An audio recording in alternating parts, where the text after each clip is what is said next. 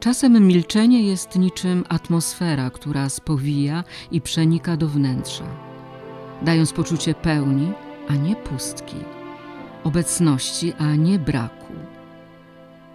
Kto o wschodzie bądź zachodzie słońca nie zapragnął znaleźć się w szczerym polu lub na szczycie wzgórza, a nocą pod rozgwieżdżonym niebem? W takich chwilach wszystko zdaje się trwać w milczeniu, które tętni życiem i objawia harmonię wszechświata. W pewnym sensie doświadcza się wówczas obecności Boga. To doznanie pogłębia się przy wejściu do pustego kościoła. Wzrok biegnie ku tabernakulum, gdzie płomień lampy zwiastuje obecność eucharystycznego Jezusa. W ciszy nawiązuje się kontakt z tym, który jest prawdziwie obecny. Przez wzgląd na niebywałą miłość, głęboko poruszającą serce i wlewającą w nie wzruszenie, wdzięczność, świętą radość. Tego rodzaju doświadczenie z pewnością stało się udziałem Karla Akutisa, chłopca, który od chwili przystąpienia do pierwszej komunii świętej uczynił Eucharystię centrum swojego życia, czy raczej przyjacielskim spotkaniem z Jezusem. I utrzymywał, że poprzez nią Jezus jest prawdziwie obecny w świecie, zupełnie jak w czasach, gdy na oczach apostołów i uczniów przechadzał się ulicami Jerozolimy. Słuchasz właśnie fragmentu z książki Tajemnica mojego syna Antoni Salzano Acutis i Paola Rodari. Zamów ją na stronie wydawnictwa Esprit. Link w opisie. Carlo był pilnym uczniem. Miał szerokie zainteresowania i wielu przyjaciół, z którymi chętnie się spotykał, ale Eucharystię zawsze stawiał na pierwszym miejscu. Codzienne msza święta i adoracja eucharystyczna były dla niego priorytetem.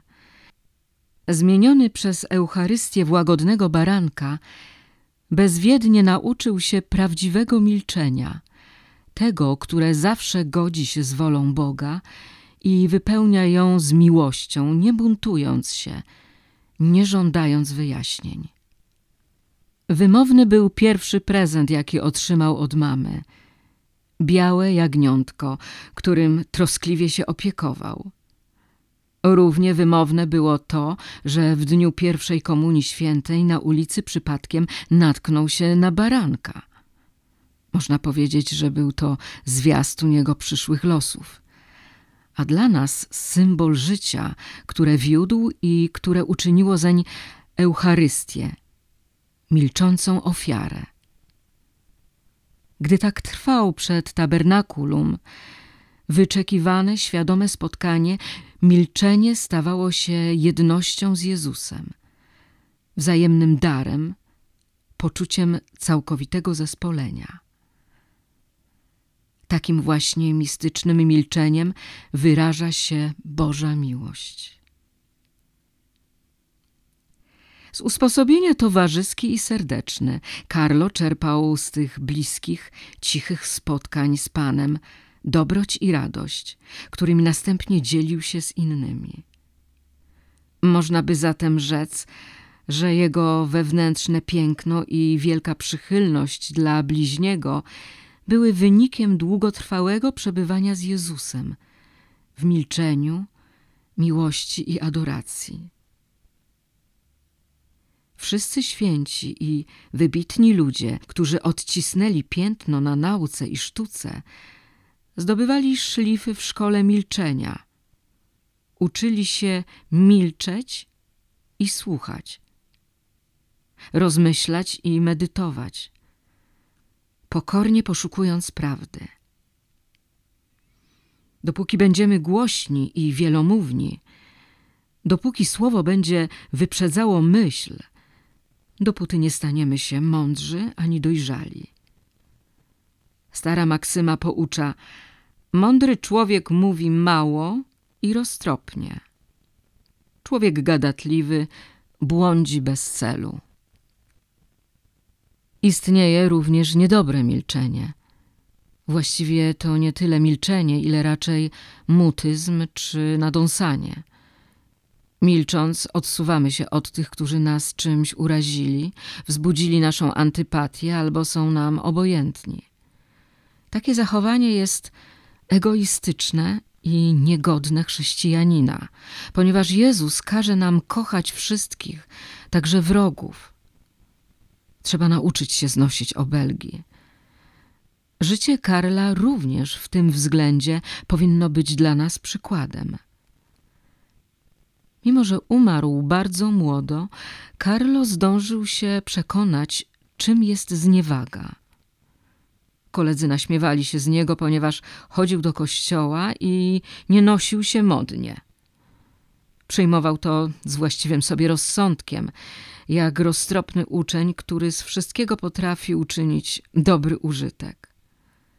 Dopóty milczał, nie bronił się i nie żywił urazy, dopóki pomimo swej odmienności nie zyskał szacunku i podziwu kolegów, a także dorosłych. To sprawiło, że swoim życiem ewangelizował znacznie skuteczniej niż słowem, którym zresztą nie gardził, wprost przeciwnie, korzystał z najnowocześniejszych środków komunikacji, żeby nadać mu właściwą wartość. Jezus, który jest słowem wcielonym, dobrze znał to pokorne milczenie, tę cierpliwą uległość, tę bezinteresowną miłość. Pragnął obdarowywać innych jedynie dobrocią i pokojem. Uwielbiał spędzać noce na wzgórzu w samotności i cichym zjednoczeniu z Ojcem, czerpiąc od Boga to, co następnie przekazywał apostołom, aby nieśli wieść Kościołowi i światu. Kolejnym przykładem pokory i pełnego kontemplacji milczenia jest Maryja, matka Jezusa, a także święty Józef, ustanowiony przez Boga troskliwym opiekunem matki i jej dziecka. Odkryć piękno milczenia to jak znaleźć klucz, pozwalający wzrastać we wszystkich cnotach. Każdy moment naszej egzystencji wymaga chwili milczenia, która pomogłaby przeżyć go właściwie z prostotą i spokojem. Jest milczenie radosne, milczenie adorujące, milczenie pokory.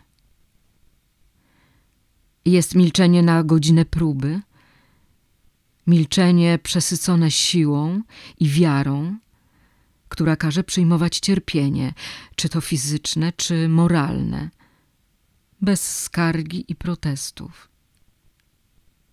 Pismo Święte poucza, by trwać w milczeniu przed Panem i Jemu zaufać.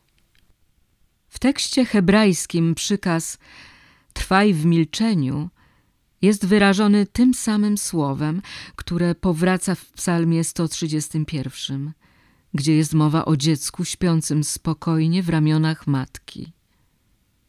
Milczenie nie jest ani spontanicznym odruchem, ani heroicznym wysiłkiem, ale darem Ducha Świętego. Karlo dowiódł, że jest nim przepełniony w obliczu śmiertelnej choroby. Przyjął ją z łagodnością baranka, aby potem mógł wypełnić swoje zamierzenia co do niego. Od wielu lat, twierdzi jedna z pielęgniarek, nie miałam do czynienia z pacjentem w tak złym stanie. Zastanawiałam się, jak to możliwe, że się nie skarży, skoro jego ręce i nogi są opuchnięte i pełne płynów. Kiedy pewnego dnia ktoś zapytał go, jak się masz? Odparł z właściwym sobie spokojem, dobrze, jak zawsze. Pół godziny później zapadł w śpiączkę. O Karlu Akutisie mówiono, że wzbił się ku niebu na orlich skrzydłach. Otóż nie mógłby szybować tak wysoko, gdyby w godzinie boleści nie powiedział, że ma się dobrze. W jego słowach krył się głębszy sens, ponieważ każdy, kto wypełnia wolę Boga, doświadcza dobrostanu. Skąd wzięła się u niego ta umiejętność? Z pewnością była wynikiem kontemplacji. Upoił swoją duszę i niepokalane zmysły, kierując wzrok serca ku błękitowi nieba i wsłuchując się w harmonię ciszy pełnej Bożej obecności. Każdy z nas może i musi stać się oazą świętego milczenia, znaną nam z celebracji liturgicznych. Gdy w 1964 roku papież Paweł VI udał się na pielgrzymkę do Ziemi Świętej i odwiedził Nazaret, nawiązał ze wzruszeniem do życia świętej rodziny, mówiąc najpierw lekcja milczenia. Niech się odrodzi w nas szacunek dla milczenia, tej pięknej i niezastąpionej postawy ducha. Jakże jest nam ona konieczna w naszym współczesnym życiu, pełnym niepokoju i napięcia wśród jego zamętu, zgiełku i wrzawy. O milczenie Nazaretu, naucz nas skupienia i wejścia w siebie, otwarcia się na Boże natchnienie i słowa nauczycieli prawdy. Naucz nas potrzeby i wartości przygotowania, studium, rozważania, osobistego życia wewnętrznego i modlitwy. O ile ważniejsze staje się to w naszych czasach, gdy medialny zgiełk i jaskrawy, powierzchowny, często wyobcowujący model życia społecznego i rodzinnego niemal uniemożliwiają milczenie. Mówi się, że mowa jest srebrem, a milczenie złotem. Znaczenie człowieka, czy też jego wartość jest proporcjonalne do umiejętności milczenia. Prawdziwe milczenie pozostawia miejsce na działanie łaski, silne, lecz łagodne przewodnictwo Ducha Świętego, Ducha Prawdy i Miłości, wspólnoty i pokoju, świętości i szczęścia. Matka Kanopi wspomniała o zniewagach. Karlo nie zaprzątał sobie nimi głowy. Jak w trzech osobach Trójcy istnieje bezustanne poruszenie miłości, tak mój syn wiedział, że poprzez modlitwę jednoczy się z miłością Boga. To mu wystarczało. Modlitwa jest mową nieba, przekonywał i dodawał: Im większą biegłość osiągniemy w sztuce kochania, tym staniemy się czystsi i bardziej prawi, i w końcu będziemy mogli z lekkim sercem zawołać: Bóg jest dla mnie wszystkim. O własnych siłach nie wydłużymy życia nawet o godzinę, nie zdobędziemy łask, które są nam potrzebne. Musimy o nie prosić Boga. Karlo uważał, że jeżeli człowiek pragnie zbliżyć się do Boga, najpierw musi uwolnić się od siebie samego i od wszystkich rzeczy stworzonych. Im prostsza jest modlitwa, mawiał, tym więcej w niej głębi. Ojciec Poma, proboszcz parafii Santa Maria Sagreta, nakreślił znakomity portret mojego syna. Przede wszystkim podkreślił, że Carlo nigdy nie wysuwał się na pierwszy plan, ani nie próbował kreować się na gwiazdę, mimo że był uroczy w obejściu i błyskotliwy w rozmowie. Zawsze cechowała go trzeźwość, czy to w życiu, czy w aspiracjach. Każdy, kto go dzisiaj wspomina, dostrzega z rosnącym zdumieniem niepośrednią, ujmującą prawość o wyraźnie chrześcijańskim podłożu. Uwielbiał oddawać się samotnym rozmyślaniom i rozmawiać z Bogiem. Osiągnął w tym niebywałą wprawę, a jego wizja przyszłości nabierała w ten sposób kształtów. Gawędząc z kimś, często kwitował wywód rzucanym w pośpiechu, jeżeli Bóg da. Nie znałem zbyt dogłębnie jego religijnych upodobań. Sama myśl o tym, że miałby się przechwalać swoją duchowością, budziła w nim niesmak. ale mogę z czystym sumieniem powiedzieć, że całym sobą kochał Eucharystię. Nie pomylę się, jeżeli stwierdzę, że Carlo czerpał z życia pełnymi garściami. Nigdy jednak nie zaniedbywał obowiązków. Mimo, że doświadczył problemów, z którymi boryka się każdy nastolatek, nie tracił optymizmu ani pogody ducha i zawsze troszczył się o dobro innych. Ojciec Poma nazywał Karla niezapomnianym.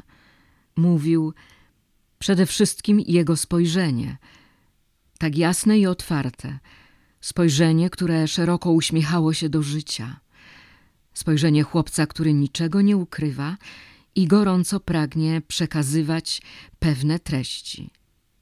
Nadal z poruszającą dokładnością słyszę, jak o czymś rozprawia bądź zadaje pytania. Mówił jasnym głosem osoby, która nie ma tajemnic i pragnie upewnić się co do słuszności własnych przemyśleń i planów na przyszłość. W mojej pamięci ożywają obserwacje, argumenty, spostrzeżenia, którymi Carlo się ze mną dzielił. Nie wbijał się w dumę, ale nie był też nieśmiały. Carlo cały był łaską. Dowiódł, że bystry i zdrowy chłopiec może bez trudu łączyć Ewangelię z zabawą, szlachetność z pogodą ducha, inteligencję z serdecznością. Tak. Carlo był cudownie nieświadomy swoich nadzwyczajnych przymiotów, a zarazem niezrównany wszędzie tam, gdzie jego ludzka natura była poddawana próbie. W domu, w szkole, w świetlicy przykościelnej – w relacjach z przyjaciółmi i z Bogiem. Szanując wszystkich, przed nikim się nie uginał. Z usposobienia serdeczny twardo bronił swoich racji. Zawsze znajdował czas dla Pana. Dla Niego nie wahał się zrezygnować z rzeczy, które go pociągały czy pasjonowały. Trwając w obecności Boga, doświadczał radości, a potem podnosił się i odchodził, niosąc w sercu Boże przykazy. Życie w pogodnej trzeźwości jest wielkim darem, ale uświadomienie sobie tej prawdy o brzasku własnego istnienia to dar nadzwyczajny. Nauczycielka angielskiego ze szkoły podstawowej Karla powiedziała mi kiedyś, że mój syn był bardzo pogodnym i wielkodusznym dzieckiem. Dobrze wychowany, wiecznie uśmiechnięty, odnosił się z szacunkiem do dorosłych i rówieśników. Nie było osoby, której nie okazywałby sympatii i życzliwości. Tryskał entuzjazmem i kochał życie. Często starał się urozmaicić zajęcia, Koledzy nadal pamiętają, jak podnosił rączkę i z francuska wypowiadając hr, zwracał się do teacher, aby opowiedzieć tę czy inną ciekawostkę na temat anglosasów. Zawsze w umiejętny, acz dyskretny sposób pomagał przyjaciołom, którzy mieli problemy w nauce. Wychowawczyni również uważała go za układnego chłopca o wielkim sercu w swojej relacji napisała Bardzo rzadko płatał normalne dla dzieci w jego wieku figle i nigdy nie brał udziału w hultajstwach kolegów. Wśród nauczycielek cieszył się opinią dobrze wychowanego, eleganckiego chłopca. Jednym słowem był małym dżentelmenem. Dorastając zdał się poznać z jak najlepszej strony – pomagał każdemu, kto był w potrzebie. Zauważyłam jednak, że nie był w swojej dobroci nieroztropny, wręcz przeciwnie. Karlo nie szukał poklasku. Kiedy chwaliłam go za uprzejmość, odpowiadał, że nie zrobił nic nadzwyczajnego. A przecież sam był nadzwyczajny. Koledzy lubili go i szukali jego towarzystwa. Czasem wcielał się w rolę rozjemcy w ich utarczkach. I świetnie mu to wychodziło. Jeden z jego przyjaciół miał poważne problemy, zarówno w nauce, jak i w kontaktach z kolegami. Carlo wziął go pod swoje skrzydła i cierpliwie mu pomagał.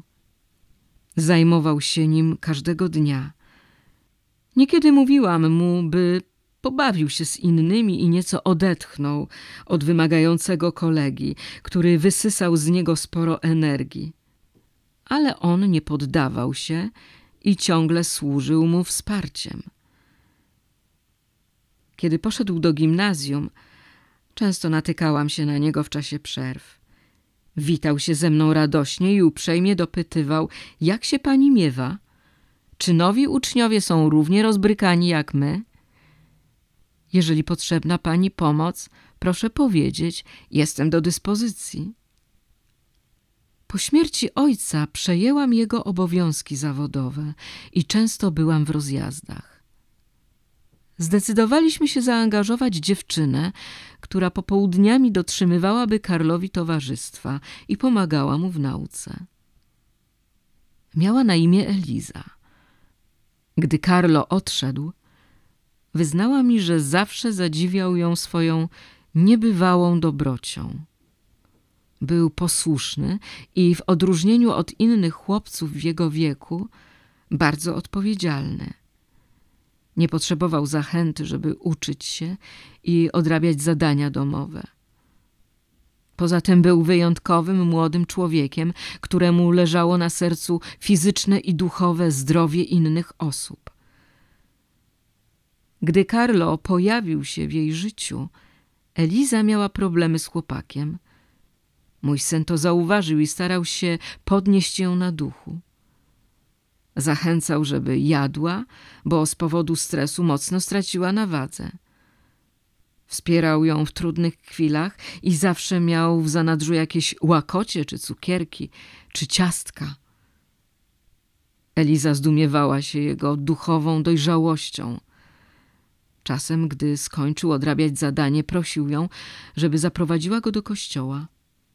Razem chodzili na mszę świętą i ta prosta czynność podsyciła w dziewczynie płomień wiary.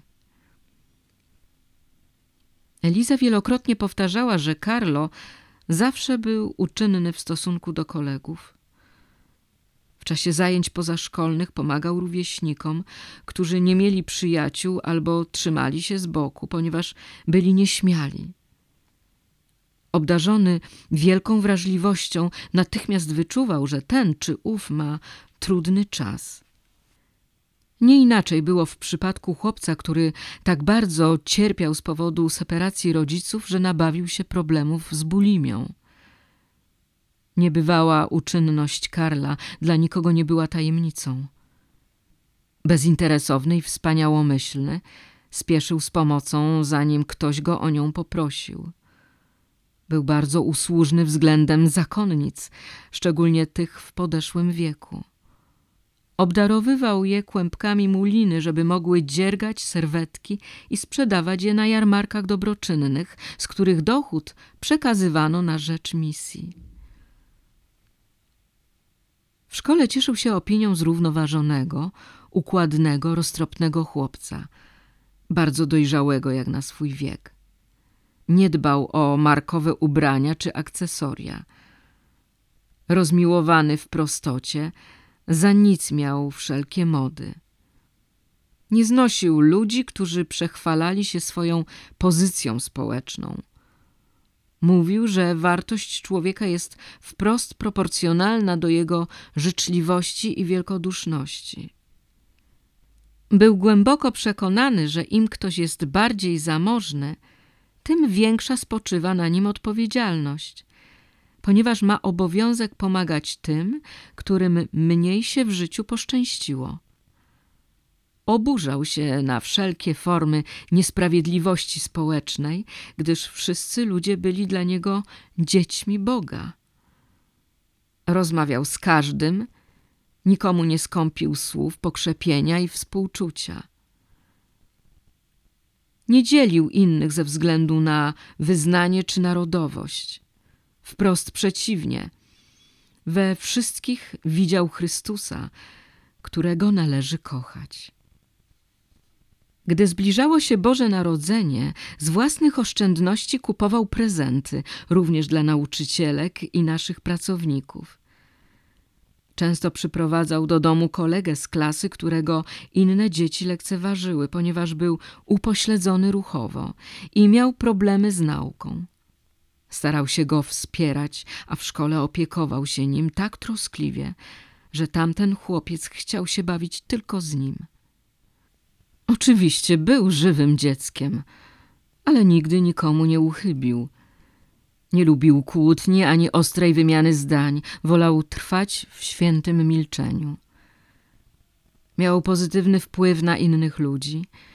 Również siostra Miranda Moltedo, przełożona instytutu, w którym mieściła się szkoła podstawowa Karla, tudzież nauczycielka plastyki, powiedziała mi, że mój syn był naprawdę dobrym chłopcem. Nigdy nie słyszała, żeby przeklinał. Nieskory do kłótni, roztropny, zawsze słuchał nauczycieli. Nie trzeba go było strofować. Zdaniem siostry Mirandy, już jako dziecko posiadał chrześcijańskie cnoty w stopniu heroicznym. Na przykład w przeciwieństwie do większości rówieśników, którzy w szkole podstawowej chełpili się zamożnością swoich rodzin – ukrywał swój status społeczny. Siostra Isa Velate, nauczycielka religii, twierdziła, że Carlo był bardzo hojnym, młodym człowiekiem. Kiedy koledzy prosili, żeby im coś pożyczył, nigdy nie upominał się o zwrot i czasem siostra zakonna bądź nauczycielka musiały przypomnieć roztargnionym, że powinni oddać Karlowi jego własność. Gdy któryś z uczniów nie pamiętał jakiegoś cytatu z Biblii, mój syn przychodził mu w sukurs. Zawsze był przygotowany. Inna zakonnica, siostra Maria del Roccio Soria Ratia, opiekowała się chłopcami w porze poobiedniej. Usłyszałam od niej, że Carlo miał duże poczucie humoru. Kiedy zdarzało się jej grywać z uczniami w piłkę, podbiegał i zaśmiewając się mówił, że pewnego dnia zostanie słynną piłkarką. Carlo był niesłychanie ciekawy świata. Chciał poznać naturę rzeczy i lepiej ją zrozumieć. Lubił gawędzić z zakonnicami na istotne tematy, takie jak religia, islam, relacje z innymi wyznaniami. Potrafił udzielać przemyślnych, głębokich odpowiedzi i był bardzo uważny i skupiony. Siostra Maria pamięta jego szczerość i prostolinijność. Odważnie, ale łagodnie mówił to, co w danej sytuacji należało powiedzieć. Mój syn cieszył się opinią niebywale inteligentnego chłopca, który wybijał się w pewnych przedmiotach, ale przede wszystkim był skromny i zawsze gotów bronić najsłabszych i odtrąconych. Z usposobienia jowialny lubił śmiać się i żartować. Zarażał innych swoim entuzjazmem. Czasem ta niesłychana żywotność skutkowała uwagą w dzienniczku, bo swoim dźwięcznym głosem i żywą gestykulacją przeszkadzał w lekcjach. Miał duże poczucie humoru i nawet w najbardziej dramatycznych chwilach potrafił rozładować napięcie. Dla każdego, kto czymś się trapił, miał dobre słowo. Wciąż pamiętam zdanie, które wypowiedział, mówiąc o ludziach poddających się zniechęceniu bądź popadających w depresję. Smutek jest spojrzeniem zwróconym ku samemu sobie – Szczęście jest spojrzeniem zwróconym ku Bogu. Carlo był przeciwieństwem smutku. Nigdy nie słyszałam, żeby się skarżył czy narzekał, wręcz odwrotnie. Był pogodny i nawet w najtrudniejszych sytuacjach nie tracił optymizmu. Nieustannie tryskał energią. Życie uważał za nadzwyczajny dar – Chciał cieszyć się każdą chwilą, bo jak mówił, z każdą upływającą minutą mamy mniej czasu na to, żeby osiągnąć świętość. Chętnie powracał do spostrzeżeń, które poczynił na ten temat filozof Blaise Pascal. Stoicy mówią: Wejdźcie wewnątrz samych siebie, a tam znajdziecie spokój. I to nie jest prawda. Inni mówią: Wyjdźcie na zewnątrz, szukajcie szczęścia w rozrywce. I to nie jest prawda. Przychodzą choroby. Szczęście nie jest ani poza nami, ani w nas. Jest w Bogu i poza nami, i w nas. W roku szkolnym 2005-2006, kiedy Carlo miał 14 lat, zapisaliśmy go do liceum o profilu humanistycznym przy Instytucie Leona XIII w Mediolanie, prowadzonym przez jezuitów. Tam w pełni ujawnił się jeden z jego największych talentów – zdolności informatyczne. Ojcowie, których misją od dawien dawna jest kształcenie młodych ludzi, pomogli mu rozwinąć skrzydła. Od razu zauważyli, że trafił im się uczeń o wyjątkowej duchowości. Również proboszcz, ksiądz Gianfranco Poma, odkrył przy pierwszej spowiedzi, że Carlo jest nadzwyczajnym chłopcem i powiedział mi o tym wprost – Znałam wiele osób, na które spotkanie z moim synem podziałało budująco. Carlo był jak magnes, przyciągał do siebie innych. Zawsze miałam wrażenie, że ludzie podświadomie wyczuwają w nim obecność Jezusa. Lgnęli do niego, bo choć nie zawsze zdawali sobie z tego sprawę, ich serce przepełniała tęsknota za Bogiem. Wciąż pamiętam epizod, do którego doszło w Asyżu. Karlo miał wówczas osiem lat. Pewnego razu spotkaliśmy na ulicy nieznaną zakonnicę. Zaczepiła nas, żeby powiedzieć, że nasz syn odegra w kościele ważną rolę. Nie wiem, jak to wytłumaczyć, ale tak się właśnie wyraziła. Nasze drogi z różnych powodów przecinały się z drogami jezuitów. Dlatego zdecydowaliśmy się zapisać Karla do liceum imienia Leona XIII. Nawiasem mówiąc, owego roku poszerzyliśmy naszą podróż o wizytę w katalońskim mieście Manresa, gdzie Ignacy Loyola spędził 11 lat. Tamto rycerz szlachetnego rodu i ognistego temperamentu, nawrócił się i został przyjacielem Pana, gotowym kochać Go i we wszystkim Mu służyć. W Manresie Ignacy zaczął pisać ćwiczenia duchowe. Pragnął, żeby dzięki nim inni ludzie również doświadczyli zbawczego spotkania z Bogiem.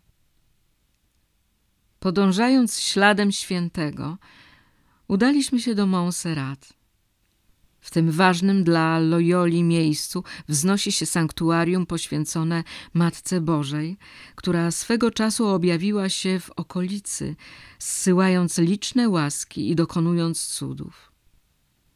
Ignacy przybył do benedyktyńskiego klasztoru w Montserrat nieopodal Barcelony w lutym 1522 roku w przeddzień uroczystości zwiastowania pańskiego. Spędził tu noc, a obrzasku w symbolicznym geście złożył na ołtarzu Najświętszej Maryi Panny miecz i sztylet, po czym na znak nowego życia w Chrystusie przyobległ się w szatę pielgrzyma. Karlo był zauroczony tym miejscem. Podziwiał nie tylko otaczający je park, lecz także jedyne w swoim rodzaju krajobrazy. Skaliste, różowawo zabarwione góry o wygładzonych przez wiatr zboczach. Nasza podróż zakończyła się w Barcelonie, którą tym razem przemierzyliśmy wzdłuż i wszerz. Carlo zachwycił się Sagrada Familia, kościołem świętej rodziny, wybudowanym według projektu Antonio Gaudiego którego proces beatyfikacyjny jest w toku. Nazywany przez La Corbusiera najwybitniejszym architektem XX wieku, Gaudi nosił przydomek architekta Pana Boga. Carlo napisał kiedyś: Prawdziwa oryginalność polega na powrocie do korzeni, a korzenie to Bóg. Stworzenie jest czymś, co dzięki pośrednictwu człowieka bezustannie się toczy. Człowiek wprawdzie nie tworzy, ale dokonuje odkryć, które są dla niego bodźcem do dalszych działań. Każdy, kto bada prawa przyrody, żeby tworzyć nowe dzieła, współdziała ze Stwórcą. Jedynie naśladowcy z nim nie współdziałają. Dlatego twierdzę, że oryginalność polega na powrocie do korzeni. Jezus uczynił pokorę fundamentem chrześcijańskiej ascezy. Jednakże na pokorze zasadza się również inna, opiewana przez Niego cnota – miłosierdzie. Pokora jest cnotą, która pozwala żyć w społeczeństwie, zbliża, nawraca. Jak można by ją zdefiniować? To umiejętność przypisywania Bogu tego, czym jesteśmy. To umiejętność przypisywania Bogu tego, co posiadamy. To umiejętność przypisywania samym sobie zła, którym jesteśmy i które posiadamy. Cnota pokory jest głęboko chrześcijańska. To On ucieleśnił ją i przyniósł na ziemię. Utarło się mówić, że Jezus urodził się w ubóstwie, że żłóbek był jego kołyską i tak dalej, i że to czyni go pokornym. Jednakże pokora to zupełnie coś innego. Przyjęcie ludzkiej natury było ze strony Jezusa gestem najbardziej wysublimowanej pokory. Oto dlaczego miał prawo rzec: Uczcie się ode mnie, bo jestem cichy i pokorny sercem. Przyjąwszy chrzest, spędził czterdzieści dni na pustyni. Można powiedzieć, że trafił tam z zaskoczenia, wzięty pod ramię i popchnięty. Jednak nie zareagował, nie stawiał oporu, nie zbuntował się. Był powolny, niesłychanie łagodny i uległy. Rzecz jasna, to było częścią planu. Przez cały okres tak zwanego życia publicznego, gdy przemieszczał się z miejsca na miejsce, obserwowany, śledzony, popychany, raczony podejrzeniami i zawiścią, atakowany, znieważany, traktowany nieufnie, a wreszcie opuszczony, konsekwentnie realizował to, czego nauczał. Uczcie się ode mnie, bo jestem cichy i pokorny sercem. Cichy i pokorny, łagodny, pełen słodyczy, uczynny, skromny, usłużny, tolerancyjny, spokojny, układny, zrównoważony, świecący przykładem. Pycha, pierwszy z grzechów głównych, nie miała do niego przystępu. Uczynił pokorę, cnotę niemal nieznaną przodkom, fundamentem własnego postępowania, podstawą moralności, treścią życia duchowego. Uczcie się ode mnie, czyli mówiąc inaczej, wzorujcie się na mnie, który jestem cichy i pokorny sercem. Sercem znaczyło tyle, co umysłem – bo Hebrajczycy określali tym słowem również nerki, siedzibę naszych najgłębszych decyzji. Kocham Cię całymi nerkami. Jedynie Bóg może przejrzeć nasze uczucia i najskrzętniej skrywane myśli. Ja jestem ten, co przenika nerki i serca i dam każdemu z was według waszych czynów. W naszych sercach i w naszych nerkach rodzą się decyzje, które zapewnią nam albo odbiorą nagrodę w postaci życia wiecznego. Nerki, serca są siedzibą tajemnych myśli, słabostek i ukrytych pragnień. Wszelkie myśli wywodzą się z serca. Ono jest kuźnią wszystkich decyzji, zarówno dobrych, jak i złych. Oto dlaczego pismo zaleca, abyśmy dbali o serce i nie dopuszczali do niego rzeczy, które nie podobają się Bogu. Z całą pilnością strzeż swego serca, bo życie tam ma swoje źródło. Jezus powiada: Nic nie wchodzi z zewnątrz w człowieka, co mogłoby uczynić go nieczystym, lecz to, co wychodzi z człowieka, to czyni człowieka nieczystym. Przemawiając do naszego serca, Bóg przemawia zarazem do naszej woli, naszego umysłu, naszego sumienia.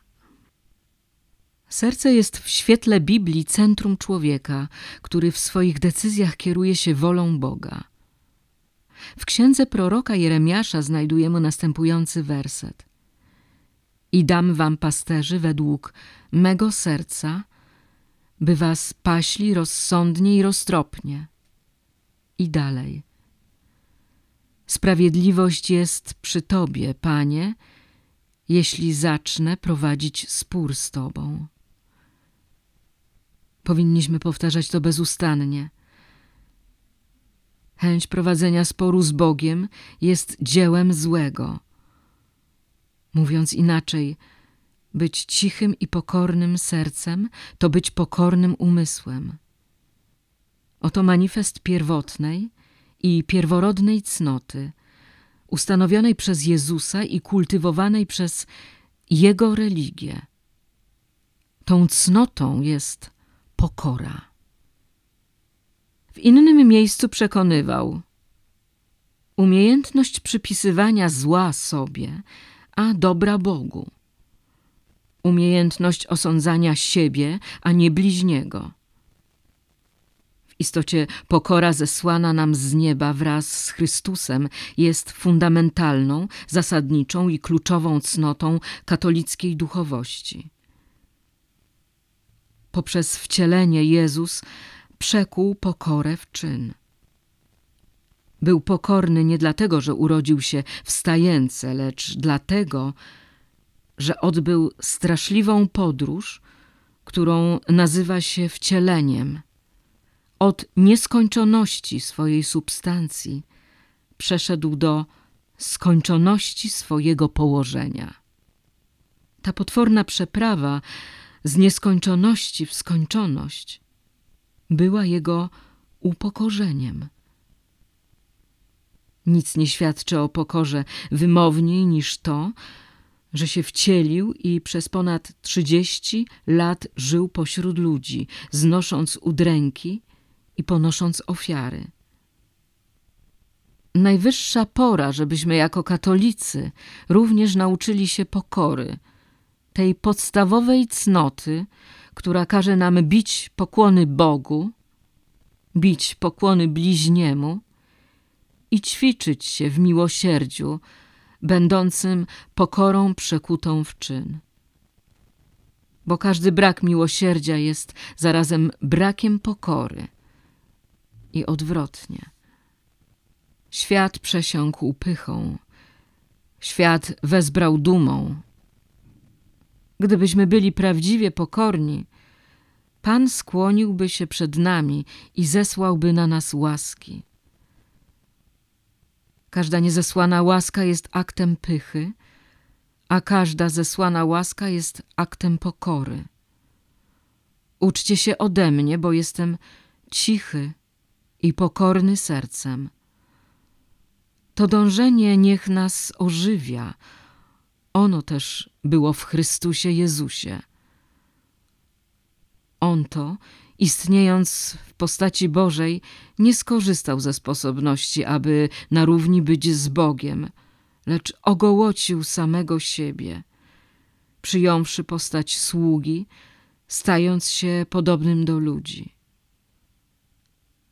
A w zewnętrznej postaci uznany za człowieka, uniżył samego siebie, stając się posłusznym aż do śmierci, i to śmierci krzyżowej.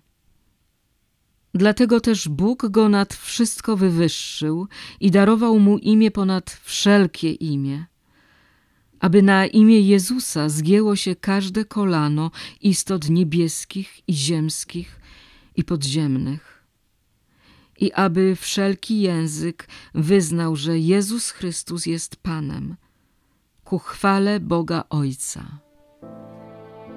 Przesłuchałeś właśnie fragment książki Tajemnica mojego syna. Kupisz ją na stronie wydawnictwa Esprit. Link w opisie.